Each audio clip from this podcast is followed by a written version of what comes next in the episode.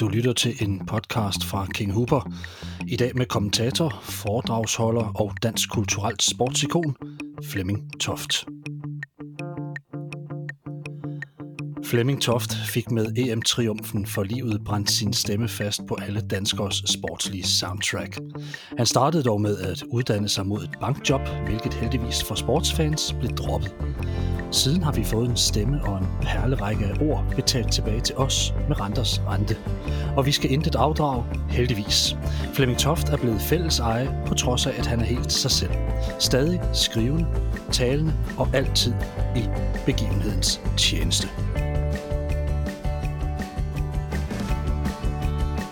Flemming Toft, velkommen til King Huber, hvor vi de næste, den næste lille times tid skal runde dig og dit virke som en af Danmarks bedste sportsformidlere gennem tiden. Og lad mig starte med at stå fast, Flemming. Jeg kommer ikke til at nævne din catchphrase fra finalen. Ordet bliver ikke nævnt i den her podcast, for det er et ord, der nærmest har overskygget dig.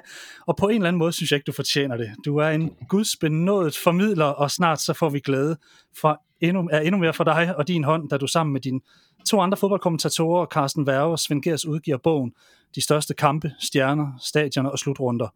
Flemming, kan du pitche lidt af bogens indhold for os her, uden at tage brøden af netop indholdet?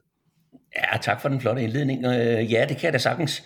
Øh, det er et, øh, det er lidt en drøm, at vi får lov til at være sammen. Dels har vi nogle samtalekapitler, hvor vi sidder og sluder om dels det, det vi har lavet, hvorfor vi har lavet det, mm. hvordan vi har lavet det, dels øh, hvordan øh, vi har, eller hvordan vi ser på på øh, kommenter- kommenteringen i dag øh, i forhold til dengang og så videre. Øh, og så har vi jo hver skrevet øh, det meste af bogen, altså hver vores øh, del af det, hvor vi øh, dels ser på de, som du også sagde det i indledningen, øh, på de største kampe, de største, bedste stadions, de største personligheder, vi har mødt, øh, og lidt om om øh, slutrunderne, vi har været til, øh, dels øh, EM og, og VM selvfølgelig først og fremmest, og så noget Champions League. Ja. Så det er sådan en, vi kommer hele vejen rundt, og det har været sindssygt sjovt at lave.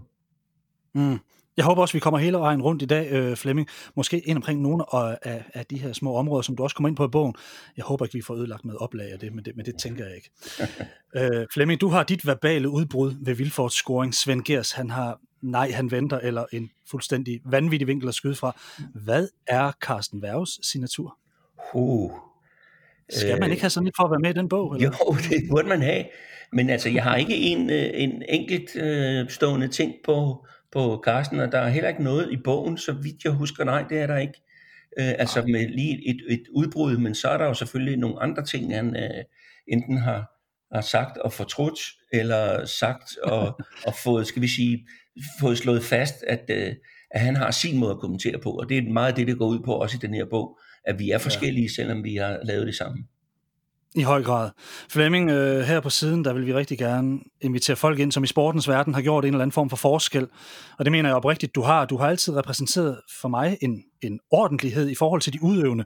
På flere kanaler, der synes jeg efterhånden, man sådan i sportsdækning kan se enkelte journalister, som går meget efter fejlfinderiet, den her ekspertvurdering, øh, som man tit får. Havde du sådan din stil fra start, hvor det var begivenheder de udøvende, og ikke dig, der var vigtig, eller udviklede den sig over tid? Nej, det har, været, det, har været, det, det har faktisk været fra start, fordi det er også sådan, jeg er. Øh, jeg er ikke så god til rød løber og premiere på film og øh, ugeblade og så videre.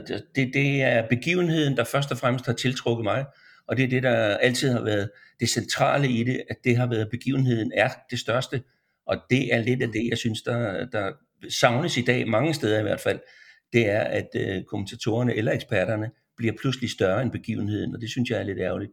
For det er jo ja. egentlig i bund og grund ikke meningen. Nej, og jeg tænker faktisk lidt den her nye stil, som jeg kalder den i hvert fald inden for kommenteringen, altså kan den også have lidt at gøre med øh, en optrappet kon- konkurrence, fordi altså der både du og Svend Gers sidder der, der, der er der jo ganske få kanaler, så på en eller anden måde, øh, så fik man jo det, man fik. Altså der er jo et stort, stort udvalg i dag, og man kæmper vel om den opmærksomhed, man kan få som kanal. Jamen det er klart, altså der er, der er virkelig konkurrence på det, men jeg tror nu mere, det har noget at gøre med, at uh, tiden er pludselig blevet til, at man skal uh, lave, skal vi sige, sådan, uh, det som jeg synes er forkert, at lave studieseancer uh, under kampene, for eksempel. Fordi man ja. har studie både før og efter, og så synes jeg ikke, det er sådan relevant, at man skal sidde og snakke om øh, skal vi sige, anekdoter og alt muligt andet. Jo, den kan man godt fyre ind, men man skal have begivenheden som hovedpunktet, og begivenheden, den må ikke være det mindste i den, øh, i den øh, transmission, man har.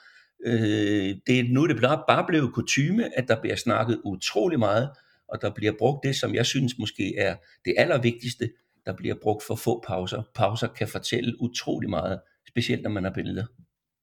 Flemming, den der pause, den vender vi tilbage til på et skæringspunkt for dig. Det, øh, den kommer vi tilbage til. Mm.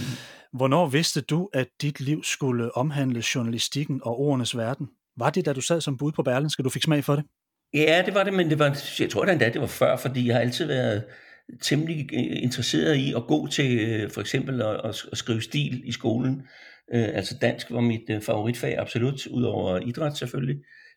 Men, men men jeg, leg med ord har jeg altid været sådan, øh, både meget øh, optaget af, men også rimelig god til øh, fra barns ben. Også fordi jeg talte utrolig meget. At det vil sige, at jeg kommenterede stort set alt, hvad jeg så på gaden, eller hjemmet, eller i skolen, så skulle det have en eller anden kommentar med på vejen. Og så, så der lå det i kortene, at det så skulle udvikle sig til det, det gjorde, øh, eller har gjort, jamen det kom jo så hen ad vejen. Det er der, hvor man også får noget medvind, kan man sige, at man pludselig dumper ind i de rigtige, på de rigtige øh, steder, på de rigtige tidspunkter, og får de rigtige begivenheder og oplevelser. Ja, det er præcis. Du har arbejdet på Frederiksborg Amtsavis, Berlinske, Politikken, Nordisk Film, DR, inden du i 88 er med til at starte TV2. Hvilket præg synes du, at du var med til at sætte på kanalen, da I startede? Jeg var en del af et utroligt godt fællesskab, og det fællesskab øh, havde en, øh, skal vi sige, en, en kort snor fra alle øh, ledere i øh, TV2-systemet, og det var øh, det gennemgående tema, det var, at der var utrolig kort fra idé til handling. Og det var altså noget, der var styrken, og var, hvad skal man sige, meget modsat Danmarks Radio jo, som havde utrolig lange øh, tilløb til, når de skulle lave noget, og, og meget kompliceret, fordi man havde så mange mellemledere, og fordi man skulle igennem et kæmpe system. Her arbejdede vi stort set i en skurvogn, øh, og var, var fælles om det hele, og var lige nye alle sammen, selvom der kom nogen, også fra Danmarks Radio. Men det var altså et, et frisk pus, der var en frisk stemning, et frisk sprog, og så først og fremmest en frisk handling. Man var klar til at, at springe ind øh, med, med, skal vi sige, en, en, næsten en teenagers øh, øh, mod og, og lyst til at være lidt fræk. Så det, det var styrken for, for TV2 ja. helt fra starten. Mm. Og hvordan synes du så, I sådan har udviklet jer som kanal, da du stopper, altså i forhold til sporten? Jamen det, det er klart, at det, jamen det alt handler, øh, når man har med sport at gøre, så handler øh, ikke alt, men øh, 80-90 procent handler om rettigheder. De rettigheder, man har, det afspejler også den tv-station, øh, det er.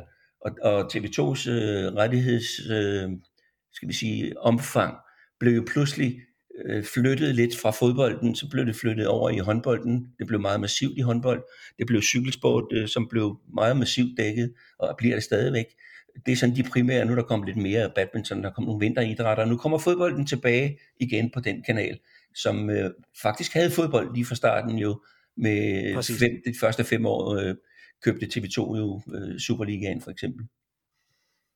Ja. Øhm, din karriere har jo ikke kun været fodbold, Flemming, selvom den har fyldt meget. Du har dækket alt fra vinter-OL til tennis, Formel 1, boksning osv. Ja. Hvor har din, øh, hvor har dine største oplevelser været, hvis vi lige regner fodbolden ud af ligningen? For jeg mindes, at jeg har hørt lidt om en svejsisk tennisspiller, der kan gøre dig blød som smør, men det kan også være, at du har andre favoritter fra årene og andre grene af idrætten. Hvor, hvor, hvor har du sådan haft øh, nogle virkelig moments? Jamen, der må jeg sige, altså generelt set vil jeg sige, hvis vi tager fodbolden væk, og det er EM og VM slutrunder og landsholdet, så bliver det, ja. så bliver det øh, de olympiske lege, som er fantastisk i sig selv, øh, men, men det der er, skal vi sige, grundstenen i de olympiske lege, det er atletikken, og de to gange olympiske lege, hvor jeg har lavet atletik, har været helt fantastiske at komme så tæt ind på så stor en idrætsgren, og en historisk stor idrætsgren med nogle, øh, med nogle gigantstjerner, hvor den største af dem alle, og det har været måske den største, jeg overhovedet har siddet overfor i, øh, i, i tv-kommentering, øh, Usain Bolt. Så det kan ikke blive større, ganske enkelt. Men også Wimbledon tennis har jeg haft rigtig meget med at gøre, både som skrivende, men, men også på, på TV2. Og det har også den der klassiske ting over sig, som, øh, som gør, at man er, man er fuldstændig paralyseret samtidig med, at man, man sidder der og får lov til at kommentere det. Mm. Men fodbolden er det, der har stået i hjertet nær i mange år, og du vil øh, nok også sådan blive husket for fodbold. Så i hvert fald som, som, som fodboldekspert. Hvad er den allerførste kamp, du kommenterer, Flemming? Kan du huske det? Ja, det kan jeg godt. Øh, den første tv-kamp øh, var faktisk på Danmarks Radio, og den eneste på Danmarks Radio. Det var Danmark-Island 0-0, en forfærdelig kamp. Men det var fordi vi, vi var til OL i, jeg var med radioen til OL i øh, Seoul i 88, og skal så starte på TV2, og bliver så sendt hjem før tid, fordi jeg skulle starte på TV2, og man havde ikke andre, der kunne dække den landskamp, som var samtidig med OL, og så dækkede jeg Danmark-Island øh, i parken. Men den første fra TV2, det var øh, Napoli mod Inter, øh, i, nej, øh, Napoli Milan, undskyld, i øh, november 88, der havde vi lige købt rettighederne til den italienske Serie A. Det er ikke den, der ender 5-0, vel? Nej, den endte... Øh, ja, den, endte, den her, den, jeg, mener, den er, jeg tror, den her er en 4-2 faktisk. For, for, okay. Vi havde fået meget kritik øh, på TV2 over, at vi købte de italienske rettigheder, og så de to første kampe endte 5-3 og 4-2. Øh, hvor, hvor kritikerne ja. havde sagt, hvorfor har, I, hvorfor har I de der 0-0 kampe? Det er jo, det er jo så kedeligt italiensk mm. fodbold. Og der kom altså ja. lige pludselig øh, 8 i den ene og 6 i den anden øh, mål. Så, så, der, så var vi ligesom på banen, kan man sige. Og så bliver jeg lige nødt til at gå ud for manuskript her, fordi altså, nu rammer du faktisk lidt ned i noget, som, hvor jeg tænker, altså italiensk fodbold, det er også et tidspunkt med, med et uh, trækløver fra, fra Holland i Milan, vi har tyskerne i, i Inter, og vi har Careca, Maradona og, og de der folk i, i, i Napoli. Det, det er stærkt underholdende. Altså italiensk fodbold, altså har de ikke fået et lidt uretfærdigt ry hen over årene? Jo, det synes jeg. Helt afgjort. Øh, der er utrolig meget nerve i italiensk fodbold. Og der var på det tidspunkt, var der jo, øh, skal vi sige, de mener jo stadigvæk, at italienske, øh, italiensk fodbold skal være italienere. Det gør de ikke i dag, men det gjorde de dengang. De var nede i en bølgedal, og så pludselig, så fik man jo så etableret, som du sagde det, altså tre stjernespillere i, øh, i Milan, øh, tre tyskere i Inter, der var forskellige øh, nationaliteter, både i Sampdoria, i, øh, mm i Parma blandt andet, og så kom altså de her øh, gutterne ned i Napoli og, og, og, ja. tog, og tog alt, kan man sige, også alt uden for, for banen øh, med Diego Maradona og Careca blandt andet. Ja. Og det var det, der var så fantastisk ved det for os, det var, at vi fik engageret fra starten Preben Elkær og Frank Arnsen, og øh, Frank havde fantastisk forhold til hollænderne i Milan, og Preben havde et godt forhold til Maradona, de var meget begejstrede for hinanden, Øh, så derfor mm. fik vi lov at lave øh, specielle interview med ham, og, og det har været det har været noget af det største. Altså han er jo fantastisk både med alt, øh, både med alle plusser og minuser, så er det en af de største personligheder i, i international fodbold gennem hele historien. Så det var, det var helt unikt, at vi kom så tæt på, og vi var til træning ustandsligt på Milanello, Milans bane. I dag der får du et kvarter en gang om ugen, hvis du er heldig til at filme øh, træningen, hvor de ikke engang træner rigtigt, hvor de bare løber rundt. Så det var, ja. det var altså helt enestående det her. Og så fik vi jo så senere, øh, via Michael Laudrup, så fik jeg jo adgang til stort set alt, hvad der var omkring FC Barcelona. Ja. Ej, det har været en fantastisk tid. Du sidder blandt andet og kommer til italiensk fodbold med Preben Elkær som noget af det første øh, fodbold fra TV2. Jeg kan huske det. Jeg kan også huske, at Jørgen Mader og Frank Arnesen sad meget tæt sammen. Ja. Øh, der er en historie om en svensk kollega, der snupper jeres papirer, hvilket ikke kunne Preben. Har du ikke lige prøvet at uddybe den historie? Fordi det er ikke sikkert, at alle kender den. Den synes jeg er ret øh, vild vi var i Genua og dække Sampdoria, og jeg tror, det var Sampdoria Inter. Øhm, og på, tids, på et tidspunkt, så kommer der en meget, meget ung fyr ind og debuterer for Sampdoria øh, i kampen der, og så scorer han ved Gud målet, og der var ikke nogen, der kendte stort set, altså Sampdorias fans kendte ham jo selvfølgelig, men ingen mm. af, af, på pressepladserne kendte denne her Gud, øh, og han kommer ind og scorer, og samtidig med at han scorer, så sidder der en svensk kommentator ved siden af os, og han leder efter det her navn nede i sine papirer. Det har han ikke. Så ser han, at Preben har det stående på sine papirer. Så snupper han papiret fra Preben, og efter Preben rejser sig op og knaller ham ind på skulderen med ordentlig brag og sagde, så er det her du med, papir, med papiret. Så Preben, Preben var altid uh, ualmindeligt godt uh, forberedt, fordi han, han kunne og læste aviserne dernede. Han kunne italiensk, så, så det var jo en fornøjelse jo. Hvilke særlige øh, hold husker du fra din karriere, Flemming? Hvilke hold stikker ud som særlige, både på klubplan og landsholdsplan? Øh, tænker Hvor du, vi er lidt ind omkring de italienske klubber, og altså, jeg Altså tænker, hvilke italienske- klubber du Nej, Jamen- generelt. Nå, generelt så, så må jeg nok sige, at øh, udover, øh, nu har jeg en, en tilknytning til FC København, men, og landsholdet, selvfølgelig landsholdet, men altså, ellers så må jeg jo sige FC Barcelona, fordi jeg var så tæt på dengang med øh, under Cruyff-tiden, øh, og Ja. med det hold, som, øh, som vel nok var indtil øh, Guardiola fik øh, et, et nyt dream team ud af Barcelona, Ja. så var det jo et, et, et dream team, et drømmehold dengang øh, i, ja. i starten af 90'erne. Mm. Men ellers er det Liverpool jo, altså det, det skal jeg jo lige holde fast i. Altså det er jo min... Ja, jeg tænker også, at jeg, jeg, jeg var lidt øh, bange for, at uh, tipslot og romantikere var gået helt tabt i der. der. Nej, nej, nej, øh, nej, det gør det aldrig. ja, den er der stadig. Du har interviewet hav spillere og træner i din tid. Hvilket møde har du været mest, været mest nervøs ved? Er det, er det Beckenbauer, eller har det været Cantona? Hvem af dem har du, eller var det Maradona? Hvor har du været sådan mest? Øh, Ja, det, det var nok Maradona, vil jeg sige, fordi det, også fordi det var så stort øh, at være tæt på, på den mand der, øh, og det var igen, det var Prebens øh, fortjeneste, at vi fik så meget med ham, som vi fik i den tid. Men ellers vil jeg sige, at øh, en af de helt store, og det er jo lyder lidt paradoxalt, når man er Liverpool-mand, det har været øh, Manchester Uniteds manager, Sir Alex Ferguson. Øh, han, jeg fik 10 minutter med ham på Uniteds anlæg, i anledning af, at Peter Schmeichel skulle kors til til øh, Hall of Fame øh, i Danmark. Mm. Og, øhm, og de 10 minutter, det var meget, meget, meget afmålt. At da de 10, 10 minutter var gået, der havde vi slet ikke snakket Peter Schmeichel endnu. Og der, der, så siger jeg så lige pludselig til ham, så skal vi forresten lige Peter Schmeichel. Åh, den der gale mand, sagde han så. Og så snakkede han i, i 10 minutter til. Og det var fantastisk øh, at møde ham, fordi ja. han, var, han havde så meget styr på den der klub, og på disciplinen. Han mødte hver dag, og det havde han gjort igennem 25 år. Hver eneste dag mødte han præcis kl. 8 på træningsanlægget. Og han krævede også, at spillerne kom til den tid, de havde fået at vide. Og sådan var det hele vejen igennem. Han var, det var en fantastisk møde med en stor personlighed.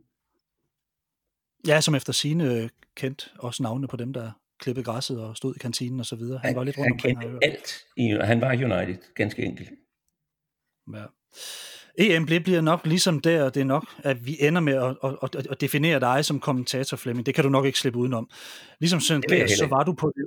Nej, det ved jeg godt. Ligesom Svend Gers, så var du på det rigtige sted på det rigtige tidspunkt, men hvis jeg lige må have lov at stjæle den titel, du og Vilbæk laver på bogen, så er det jo ikke kun held det hele. Hvorfor tror du egentlig, at du gik så rent ind med din kommentering ved den turnering? For vi har jo oplevet mange andre store kampe i dansk landsholdsregi. For eksempel ved jeg ikke lige, om jeg kan huske, hvem der kommenterer Michael Laudrups lop til Ebbe Sand mod Nigeria, eller Brian Laudrups mål mod Brasilien, eller hvem kommenterede straffesparkskonkurrencen mod Kroatien. Jeg tror, mange danskere, hvis man lige spørger dem hurtigt, så kan de godt blive i tvivl. Men, men du er gået rent ind. Hvad, hvad, hvad tror du, du gjorde for at opnå den her Hall of Fame-status som kommentator? Jamen, jeg tror, at det har meget at gøre med hele den der måde, det skete på, det hele. Altså, hvordan vi kom med lige pludselig, på grund af, at øh, det tidligere Jugoslavien jo blev, øh, blev smidt ud af både FN, og så senere selvfølgelig også af UEFA. Og, og hele den der undertypede øh, rolle, som det danske hold havde lige fra starten. Ingen regnede med dem, heller ikke spillerne selv stort set. Øh, og det tror jeg gav sådan en, en, en, øh, en, en form for, jeg vil næsten kalde det frihed til, at vi kunne gøre, hvad vi ville. Øh, Preben og jeg for eksempel, da vi kommenterede. Øhm, og så, var det, så kom det bare så umiddelbart, lige så umiddelbart som spillernes præstationer på banen. Og derfor gik det så op i en højere enhed, at det nåede så vidt, at det blev en, en finale triumf. Og så vil jeg lige sige en ting, en, en af grundene til, at det også blev så mega stort, det var, at det var hele Danmark, der var med. Det var ikke kun dem, der sad og så det i tv. Det var ikke kun københavner på Rådhuspladsen. Det var hele Danmark. Og stadigvæk så kan de huske præcis, hvor de var den dag Danmark spillede finale. Og det er ligegyldigt, hvem jeg snakker med, så har de en historie om den dag. Meget, meget enig. I forhold til øh, sådan noget som sportsbegivenhed og for eksempel en finale, hvordan vil du placere procenterne i forhold til, hvor vigtig en kommentator er i forhold til det, vi ser? Er vi på 50-50, 70-30 eller hvad? Og i vis favør. Hvordan vurderer en kommentator det, Flemming? For jeg har min holdning. Ja, ja altså, som jeg sagde tidligere, så er begivenheden, det, det er suverænt det største, og det, derfor kan det aldrig blive 50-50. Men det kommentatoren skal i mine øjne, han skal læne sig op af begivenheden på den ene side, og så skal han læne sig over mod seerne på den anden side. Og det vil sige, at han kommer så ned i en, en rolle, ja, det er svært at sætte procenter på, men hvis jeg skal gøre det, så vil jeg næsten sige 70-30 øh, mere mm. end 60-40 for eksempel. Øh, fordi det er så vigtigt, at den begivenhed bliver holdt i hånden på den rigtige måde, så man ikke klemmer så meget i hånden, så det går ud over begivenheden. Så derfor er det uhyre vigtigt, at det er den, der får lov at spille hele vejen igennem. Mm. Ja, når jeg kigger på det her som fan, så kan jeg nogle gange liste mig selv til at tro, at vi er oppe på 50-50. Jeg er dybt afhængig af en god stemme, der kan blive sådan et live talerør for de der emotionelle bølgegange, jeg nu har. Og øhm, jeg har hørt en kommentator bruge udtrykket, at man er en forlængelse af oplevelsen, og jeg, jeg, jeg er meget enig, men for eksempel, da Sars Slot vinder OL-sølv, og jeg er også meget glad for atletikken, øh, skal jeg sige, Flemming. Øh, mm. Der kan jeg huske Lenniger og Munk Petersen, altså man kan mærke, hvor meget det betyder, for de to, de kæmper næsten i samme mm. stil som Sara helt frem mod, øh, mod linjen, og det kommentarspor, det kan stadigvæk den dag i dag det kan berøre mig dybt. Jeg, jeg kan få helt tår i øjnene, og det samme kan jeg til dit track, om man vil, der vil få et score. Øh, og, og hvis vi lige skal gå hen til den, den ting, fordi nu kommer det her med pausen. Du laver en særlig ting ved 2-0-målet, som jeg finder genial. Øh, først så brøler du og Preben, ja, ja, ja, mange gange, og så nej, nej, nej, nej, nej. Mm. Og hvorefter, og jeg har talt efter, at du intet siger i hele 10 sekunder. Det føles som en evighed. Mm. Derefter siger du, det er løgn, Preben. Og du har tidligere udtalt det her med pauserne. Var den bevidst, og hvad synes du, den gav, den pause? Jamen, den, øh, altså bevidst, det er den faktisk, fordi det er sådan, jeg selv reagerer på nogle ting. Det er ved at lade begivenheden lige stå et øjeblik for sig selv. Det er begivenheden igen, det er billedet i det her tilfælde, der er det største. Det er ikke et eller andet øh, kommentarspor, før det bliver nødvendigt at komme tilbage med det med ens egen reaktion. Det ville have været nøjagtigt det samme, hvis jeg sad på stadion som almindelig tilskuer. Så derfor, altså pausen, synes jeg giver så utrolig meget. Som jeg sagde før, den fortæller meget. Altså en pause kan fortælle utrolig meget. Det står helt for sig selv, at Danmark har vundet EM, eller har scoret til 2-0 og vinder EM om et øjeblik. Det står så tydeligt, og det behøver man ikke at kommentere, før det bliver skal vi sige, nødvendigt at holde begivenheden i hånden igen.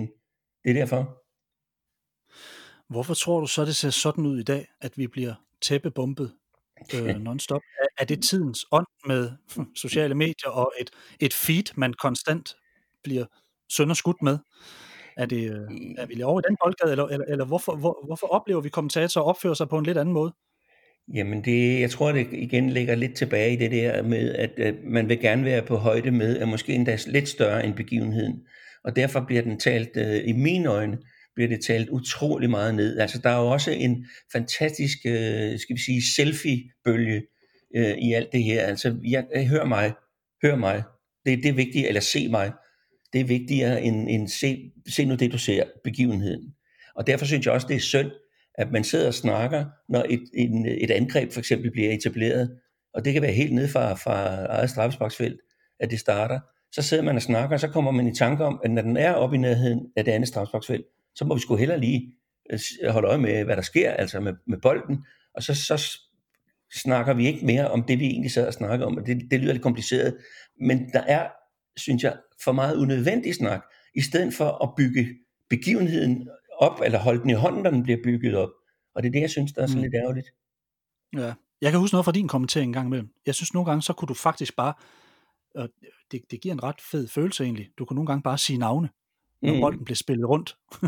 ja. øh, og på en eller anden måde, så, så tænker man jo egentlig også, der sidder sikkert også svagt scene, eller folk, der har svært. Altså, så man, man, havde, man havde altid en chance for at følge med på en eller anden måde. Men jeg tænker lidt, i forhold til det her med kommentering, i forhold til engagement, synes jeg også, at det, det er som om, at, at man gerne vil også nogle gange lade begivenheden vokse.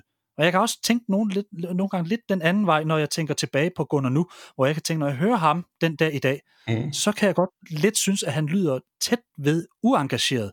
Og det ved jeg, han ikke var, for ja. han stod jo virkelig bagefter og nød en triumf sammen med en atlet. Mm. Øhm, når vi nu kigger på dig om mange år, Flemming, øh, tror du, at nogen af dem, som ser sport nu her og de næste 10-20 år frem, vil sige, hvorfor gik han ikke mere berserk. Vi vandt jo EM. Det kan godt være. Det skal jeg ikke kunne sige, men, øh, men, men det, var bare, øh, det var bare mig. Sådan kan man sige det. Altså, og nu synes jeg i øvrigt også, at vi gik berserk. Altså, øh, ja, ja, jo, jo. den fik jo, hvad den skulle have, ikke? Og, og den fortjente den øh, begivenhed og den, øh, det klimaks, der kom. Men, men øh, jeg, jeg, altså, jeg vil ikke lave det om om 20 år, eller jeg vil heller ikke lave det om, hvis jeg lavede det i dag, for at ligne de andre. Slet ikke. Altså, det er bare min måde at gøre det på. Ja, men nu synes jeg bare, at de andre ligner hinanden utrolig meget ved det, at de snakker sindssygt meget. Og det synes jeg er lidt ærgerligt, fordi begivenheden bliver glemt. Og jeg tror også, det har noget at gøre med, det har noget at gøre med de informationer, som er blevet øh, let tilgængelige, og blev, der er blevet sindssygt mange af dem. Så synes man, alt skal smides af.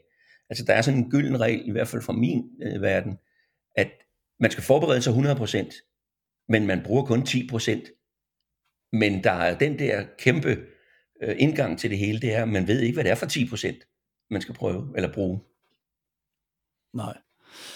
Du har igennem nogle år en fast makker i Preben Elkær, både omkring det italienske, men også omkring landsholdsfodbolden, især under EM-slutrunden. Han er kendt for at tale rigtig meget. Havde du ham lidt i skole, inden øh, I øh, tog fat på samarbejdet?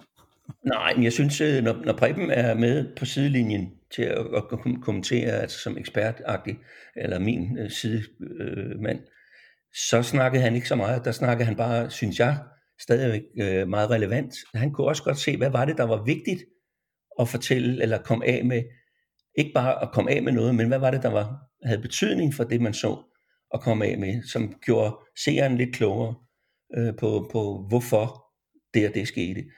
Og det samme havde Jan Mølby, eller har stadigvæk.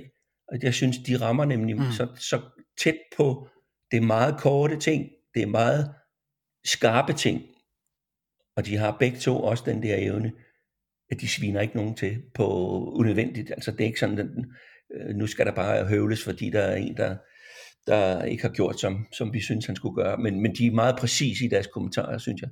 Og derfor er de øh, mm. rigtig gode, begge to. Ja. ja. Da du og Preben øh, kom til finalen, så har jeg altid undret mig over, hvad gjorde I i timerne bagefter? For hele Danmark kan huske, hvad de gjorde bagefter, hvor, hvad de lavede inden og under. Men, men, men hvad med jer to, som sad der og havde oplevet det hele og formidlet det hele til Danmark? Hvad Jamen, skete der i de timer efter, vi vinder?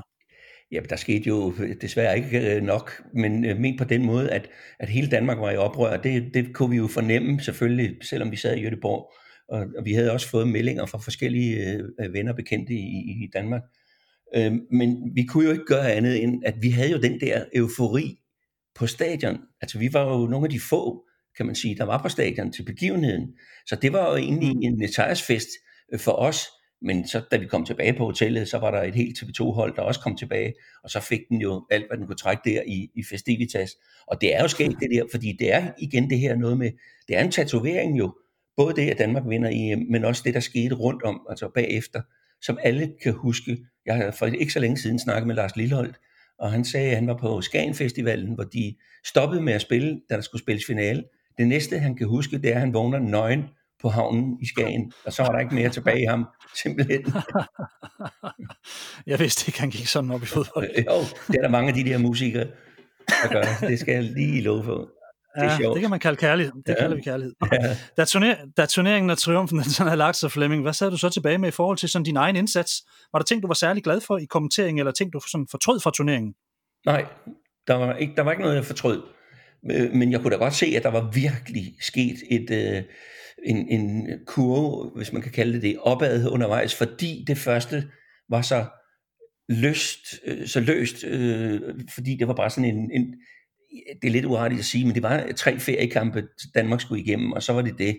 Og vi skulle alligevel lave hele turneringen, Preben og jeg. Men det var meget løst i starten. Og så fik den lige lidt mere, og lige lidt mere, og lige lidt mere, og så kulminerede det med den allerbedste kamp i hele turneringen, Danmark-Holland, øh, der, der ja. får den jo så på fuld skrue, dels over hele det drama, den der meget dramatiske afslutning med, med Kristofte, øh, straffesparket, og så det, at Danmark var kommet i finalen. Så nåede vi næsten klimaks, vil jeg sige. Og det, der bliver husket for mig i hvert fald, mest fra finalen, fordi jeg synes, semifinalen var bedre, det var det sidste fløjt for dommeren, og der var Danmark så europamester. Hvornår mærker du sådan, Flemming, at du har fat i folkesjælen med din ord? For det er det, der sker lige i de sekunder der. Hvornår kunne du sådan mærke, at din personlighed var vokset ud af landsholdets, fodboldens og sportens skygge? Jamen, jeg tror, jeg tror det, øh, altså jeg er lige så folkelig som dem, der er på den anden side. Øh, og derfor, altså øh, jeg, jeg er selv til meget umiddelbar i, i min tilgang til, til andre mennesker og til begivenheder og familie og så videre. Så, så det har, det har ikke, der har ikke været sådan en overgang, kan man sige, men det er jo klart, jo mere, jo mere kendt du bliver, så, så bliver det jo en, en anden form. Øh, altså der går man jo, der går man jo folk øh, i møde, kan man sige, på en anden måde, eller omvendt, også når de går ind i møde. Og det er der, man, man mærker det. Jeg mærker det ikke efter en speciel begivenhed, udover selvfølgelig lige den der finale dengang. Men ellers ikke, øh, fordi jeg er sådan, øh, jeg er rimelig, hvis jeg selv skal betegne det, så er jeg rimelig øh, tæt på jorden. Altså jeg er rimelig jordnær, og det er, ligger bare ikke til mig alt det andet, der, der for nogen synes at følge med. Netop det der med, mhm. at vi skal være selfie-parate, og vi skal til premiere, og vi skal til i ugebladene og så videre. Så jeg tror, det er mere den, jeg tror, det er mere den der med, at jeg er, jeg er rimelig tæt på jorden. Mm. En anden, der er tæt ved jorden, og heller ikke specielt selfie-parat, tror jeg, jeg skal ikke udtale mig helt om det, men jeg gætter her, det er Ulrik Vilbæk. Øh, I to, I har øh, arbejdet tæt sammen, og ja. I har som sagt udgivet bogen Det er ikke held det hele i et tæt parløb. Og her er Flemming, hvad han har at sige om dig. Øh, Ulrik Vilbæk, du har arbejdet tæt sammen med Flemming Toft om bogen Det er ikke held det hele. Hvordan var Flemming professionelt at arbejde sammen med? Jamen, han er jo en, en journalist, som, som øh, kan sit kram. Øh, han er jo fantastisk til at, at stille de rigtige spørgsmål, og han er god til at lytte. Han øh, er ikke sådan en, der egentlig er ude på øh, at lave de store skandalhistorier han er jo et positivt menneske.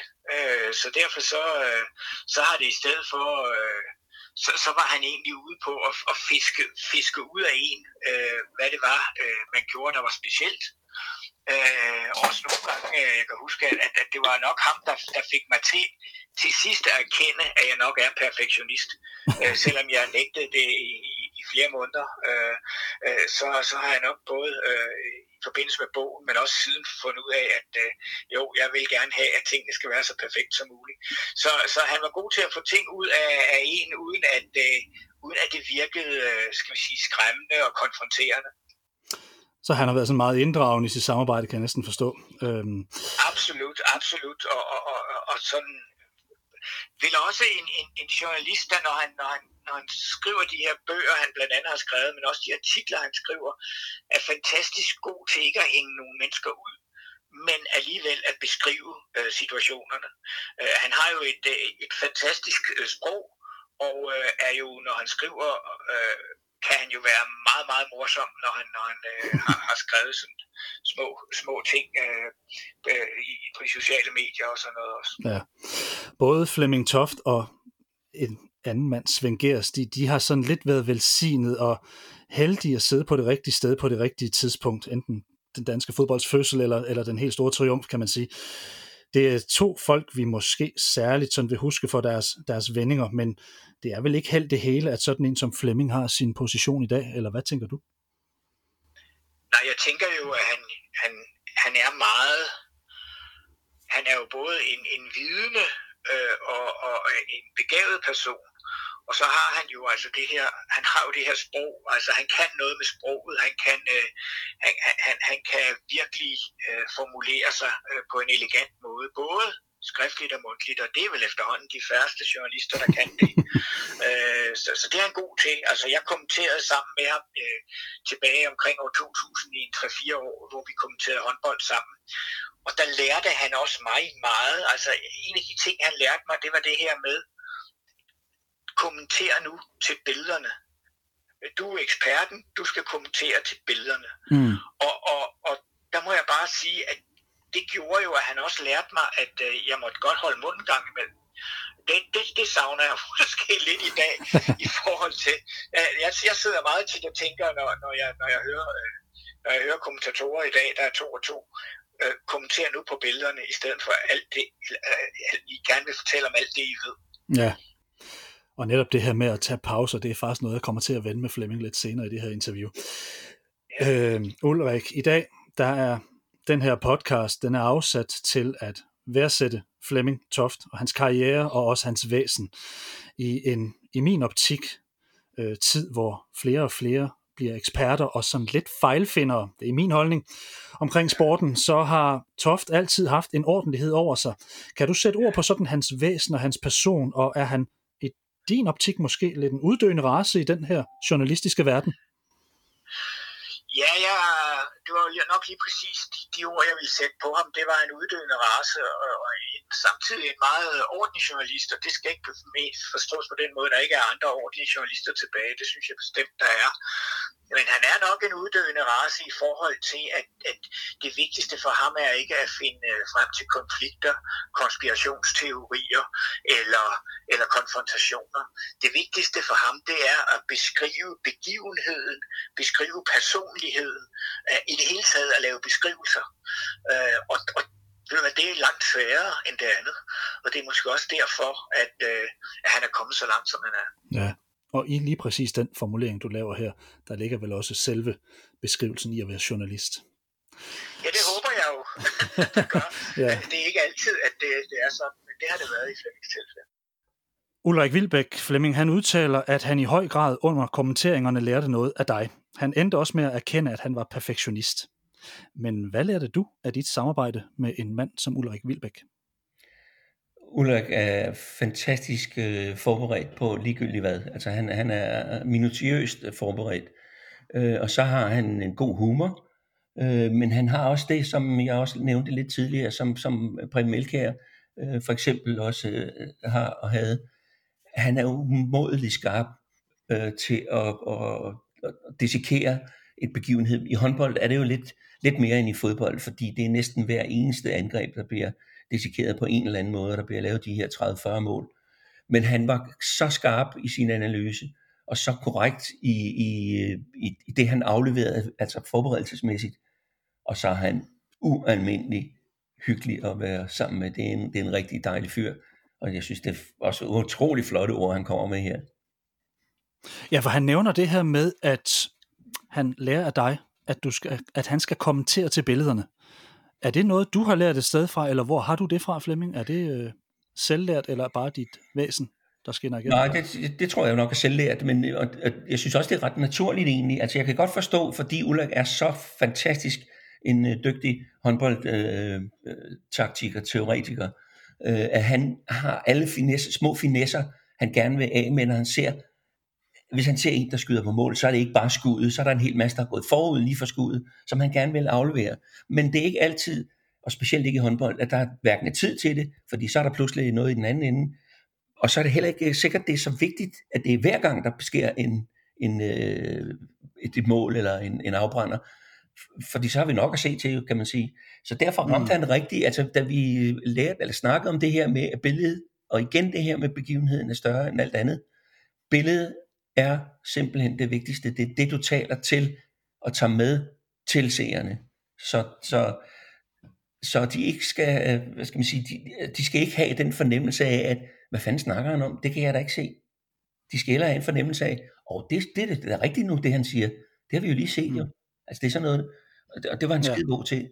Vi havde en fantastisk oplevelse, fordi da jeg var i Sydney til OL øh, og dækkede kvindelandsholdet, øh, som så vinder guld, øhm, der sker der jo det fantastiske, at Ulrik sidder hjemme i Odense. Der var altså 10.000 kilometer mellem kommentator og medkommentator. Og det er lidt af en opgave, og det kræver virkelig ja. disciplin at kunne komme ja. igennem det her. Og der viste han også, hvor skarp han er, også disciplineret, at han på intet tidspunkt var han inde over og tale over en, mig og omvendt. Det var helt enestående. Mm. Som kommentator Flemming og som jonglør med ord, der er du nem at se op til, men har du haft nogen undervejs i din tid, som du så op til? Enten ja. i Danmark eller i udlandet? Ja, det har, altså, der er nogle engelske kommentatorer, som jeg altid har beundret meget, men det er også fordi, de har et vidunderligt sprog at lege med. Altså det er virkelig ja. noget, det er ligegyldigt, hvad for et ord du tager fat i, så har det tre-fire forskellige øh, meninger eller betydninger. Øh, så det er jo et, et slaraffenland, hvis man er glad for sprog. Men ellers vil jeg sige, altså det er helt klart, at Svend Gers er, er, er den, jeg har set øh, mest op til, øh, og det er den, jeg også har fra andre, skal vi sige, andre sider af medieverdenen har haft mest med at gøre. Øh, Svend hjalp mig utrolig meget i starten, da jeg kom på, på TV2, øh, og vi havde et kendskab til hinanden fra før her, Men øh, jeg kan huske, at jeg skulle lave øh, OL, eller også var det et VM, det kan jeg ikke huske, i, øh, i øh, vintersportsgrenene, og blandt andet i øh, langrend. Og der havde vi lige, TV2 havde lige fået det fra Danmarks Radio, og der øh, afleverede Svend en helt trækasse med helt, ikke, altså den mindste detalje på hver skiløber i verden, havde han på nogle kartotekskort, og den fik jeg med. Den vejede 18 kilo, den der kasse der, men den var guld værd, da jeg så skulle, endelig skulle lave langrend for første gang i mit liv. Og det glemmer jeg mig aldrig for, den griner vi stadigvæk af, den der, jeg slæbte rundt på den store, enorme trækasse der, men det var, det var guld værd. Men han havde også den der med, at han var god til at pausere. Og det synes jeg var, var også det fede ved, ved Svend. Og det handler også meget, meget øh, tit i hvert fald, handler det utrolig meget om timing. Hvis man timer tingene, så får de den rigtige betydning. Ja, så kan man sige det her med, at, at personlighederne skinner igennem. Man, man har kunnet mærke på både Svend og dig, synes jeg, at der har været en umiddelbarhed og en umiddelbar glæde ved spillet, og en hjertelighed. Hjerteligheden er for mig noget af det, som, som virkelig har kendetegnet i jer to. Flemming, øh, du er gået fra fast job hos TV2 til freelance. Hvordan ja. føles det liv nu, og er du på vej til et stop? For du er jo faktisk 71 i dag. Ja, men det er jeg absolut ikke. Og så længe TV2 øh, vil, og andre vil. Jeg holder en del foredrag, jeg holder eller har meget fast kontrakt med, med, med TV2 til at kommentere, altså som ligesom der findes politiske kommentatorer, så findes der også inden for fodbold. Øh, og det, det er jeg meget glad for. Det er en virkelig fed måde at få, skal vi sige, stadigvæk holde fast i det på og have en mening om det, og jeg føler rimelig godt med. Øh, og så har jeg den ballast, som betyder, at, at, at, at øh, jeg mener noget med det, jeg siger, og jeg har noget at, at have det i, kan man så også sige. Så det, det har faktisk været eventyrligt godt, og så har jeg det der dejlige med at foredrage rundt i landet, og møde de serier, som man ikke rigtig har mødt på anden vis end gennem skærmen. Mm. Og hvad handler dit foredrag om? Jamen det handler jo selvfølgelig først og fremmest meget om mit eget øh, liv, og anekdoterne, og dem jeg har mødt, øh, og så videre. Det er, i bund og grund er det en, øh, det, der også kommer i, i bogen, kan man sige. Altså ikke lige de samme ting, men det er det, de emner, der, der, går igen og igen, og så er der noget, der, der er det mest fantastiske, synes jeg stadigvæk, hver eneste gang, at slutte af med en halv time, hvor folk kan spørge om, om hvad som helst. Ja. Og det er bare så guddommeligt, fordi der er ting, vi går rundt og tror, at øh, det, det er en selvfølge. Der er en masse ting, vi tror, der er en selvfølge. Det er det ikke for mange mennesker, og derfor kommer de og spørger om nogle ting, hvor man så siger, gud, der skulle da egentlig også rigtigt, hvorfor spørger de om det, det, der, det er da rigtigt, hvorfor har man aldrig rigtigt taget fat om det, eller hvorfor man aldrig tænkt over det. Og det synes jeg er så fedt. Det er derfor, det er godt at møde mennesker.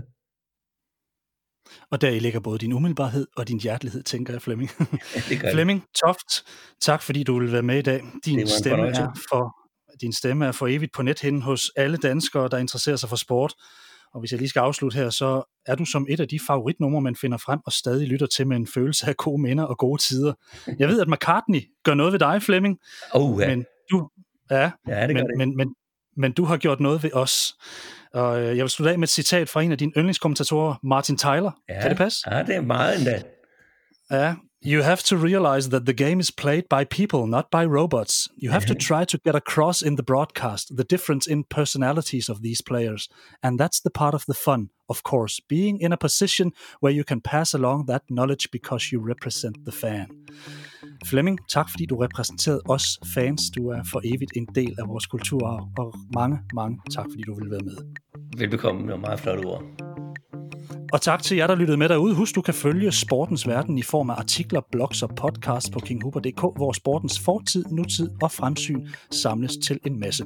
Tak for nu.